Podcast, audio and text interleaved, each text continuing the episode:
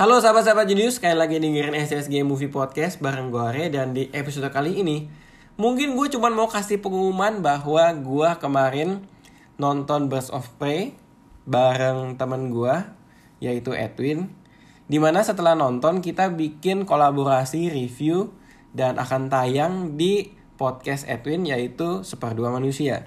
Jadi teman-teman bisa dengerin review gue bareng Edwin terkait dengan Birds of Prey and the Fantabulous Emancipation of One Harley Quinn. Selengkapnya di podcast yang sana ya gitu. Jadi nanti kalian bisa cari di Spotify, bisa juga di Kurio dan Kaskus Podcast kalau nggak salah. Dan di Penyu FM ada juga gitu. Jadi ya gunanya dari episode ini sebagai pengumuman dan tambahin sedikit dari apa yang gue seneng dari film ini tapi apa yang jadi kekurangan juga gitu. Karena selengkapnya bisa dengerin di podcastnya dia.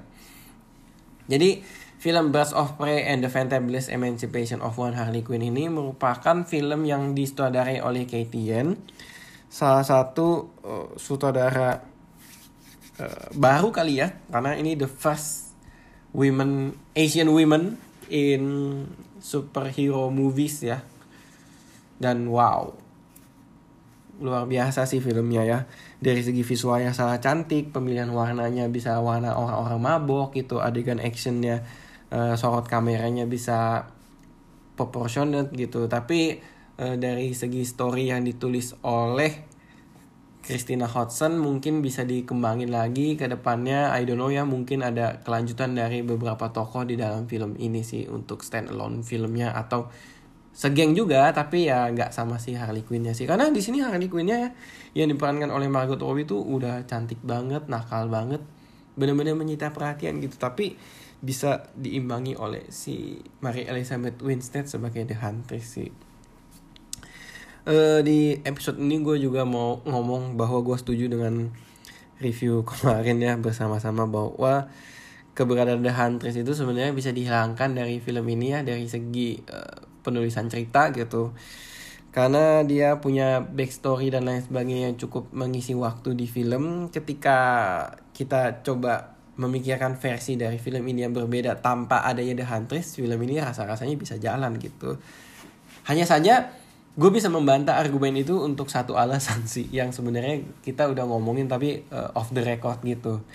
Adalah di mana The Huntress itu tuh dibutuhkan di dalam film ini untuk final action sequence atau adegan terakhir aksi yang di dalam film di mana ada adegan kejar-kejaran dan hanya The Huntress lah yang bisa mengendarai motor di dalam film ini gitu. Jadi ya bagi yang udah nonton mungkin tahu bagi yang belum ya.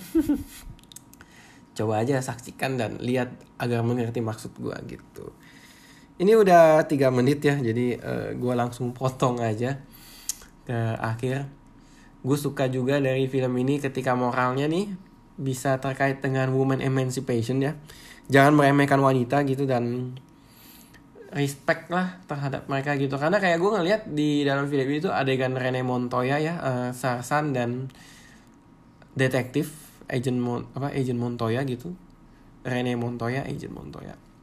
Dia tuh kayak di ini siapa kayak gak terlalu di respect sama orang-orang di kantornya atau di GCPD gitu. Jadi kayaknya wah kok keterlaluan banget sih? Apalagi yang ngeledek mereka eh, ngeledek dia tuh si laki-laki yang kurang ajar kurang ajar ini gitu. Jadi ya itulah ya yang gue tanggap terus kalau dari segi fakta menarik sih gue ngeliat film ini dari segi visual ya. Di adegan awal dibuka dengan introduction oleh Harley Quinn menggunakan style kartun yang barangkali cara menggambarnya serupa dengan Teen Titans the movie yang kemarin gitu ya. Terus ada juga Easter egg terkait dengan beberapa film DCU e yang sebelumnya khususnya Suicide Squad ya. Dari segi properti, dari segi uh, dialog dan lain sebagainya ada. Dan juga kayaknya sih pada saat adegan pengenalan karakter dia menggunakan cara mengenalkan seperti pengenalan karakter di Suicide Squad gitu. Jadi kayak adegannya diberhentiin, ada gambar wajah orangnya, ada tulisan namanya gede, terus ada tulisan deskripsi sifat-sifat karakternya uh, memanjang ke bawah atau ke kanan kiri gitu. Oke. Okay? Sekian dari gue, gue Are mau pamit undur diri dulu uh, di episode yang sangat singkat ini karena apa? Karena kalau mau dengerin review lengkapnya bisa langsung ke Seperdua Manusia oleh Edwin. Oke? Okay? Jadi uh, sebagai penutup, uh, terima kasih bagi teman-teman yang sudah mendengarkan podcast SSG sampai detik ini dan di episode ini. Bagi yang tertarik untuk dengar review kolaborasi bisa mampir ke Seperdua Manusia Jangan lupa untuk follow sosial medianya gua ya di @sostupidlegionnews di Instagram dan Twitter. Jangan lupa juga untuk follow dan subscribe podcast SSG di berbagai platform seperti Spotify, Penyu FM, dan YouTube. Oke, sekian dari gua. Gua mau pamit undur diri dulu lagi nih.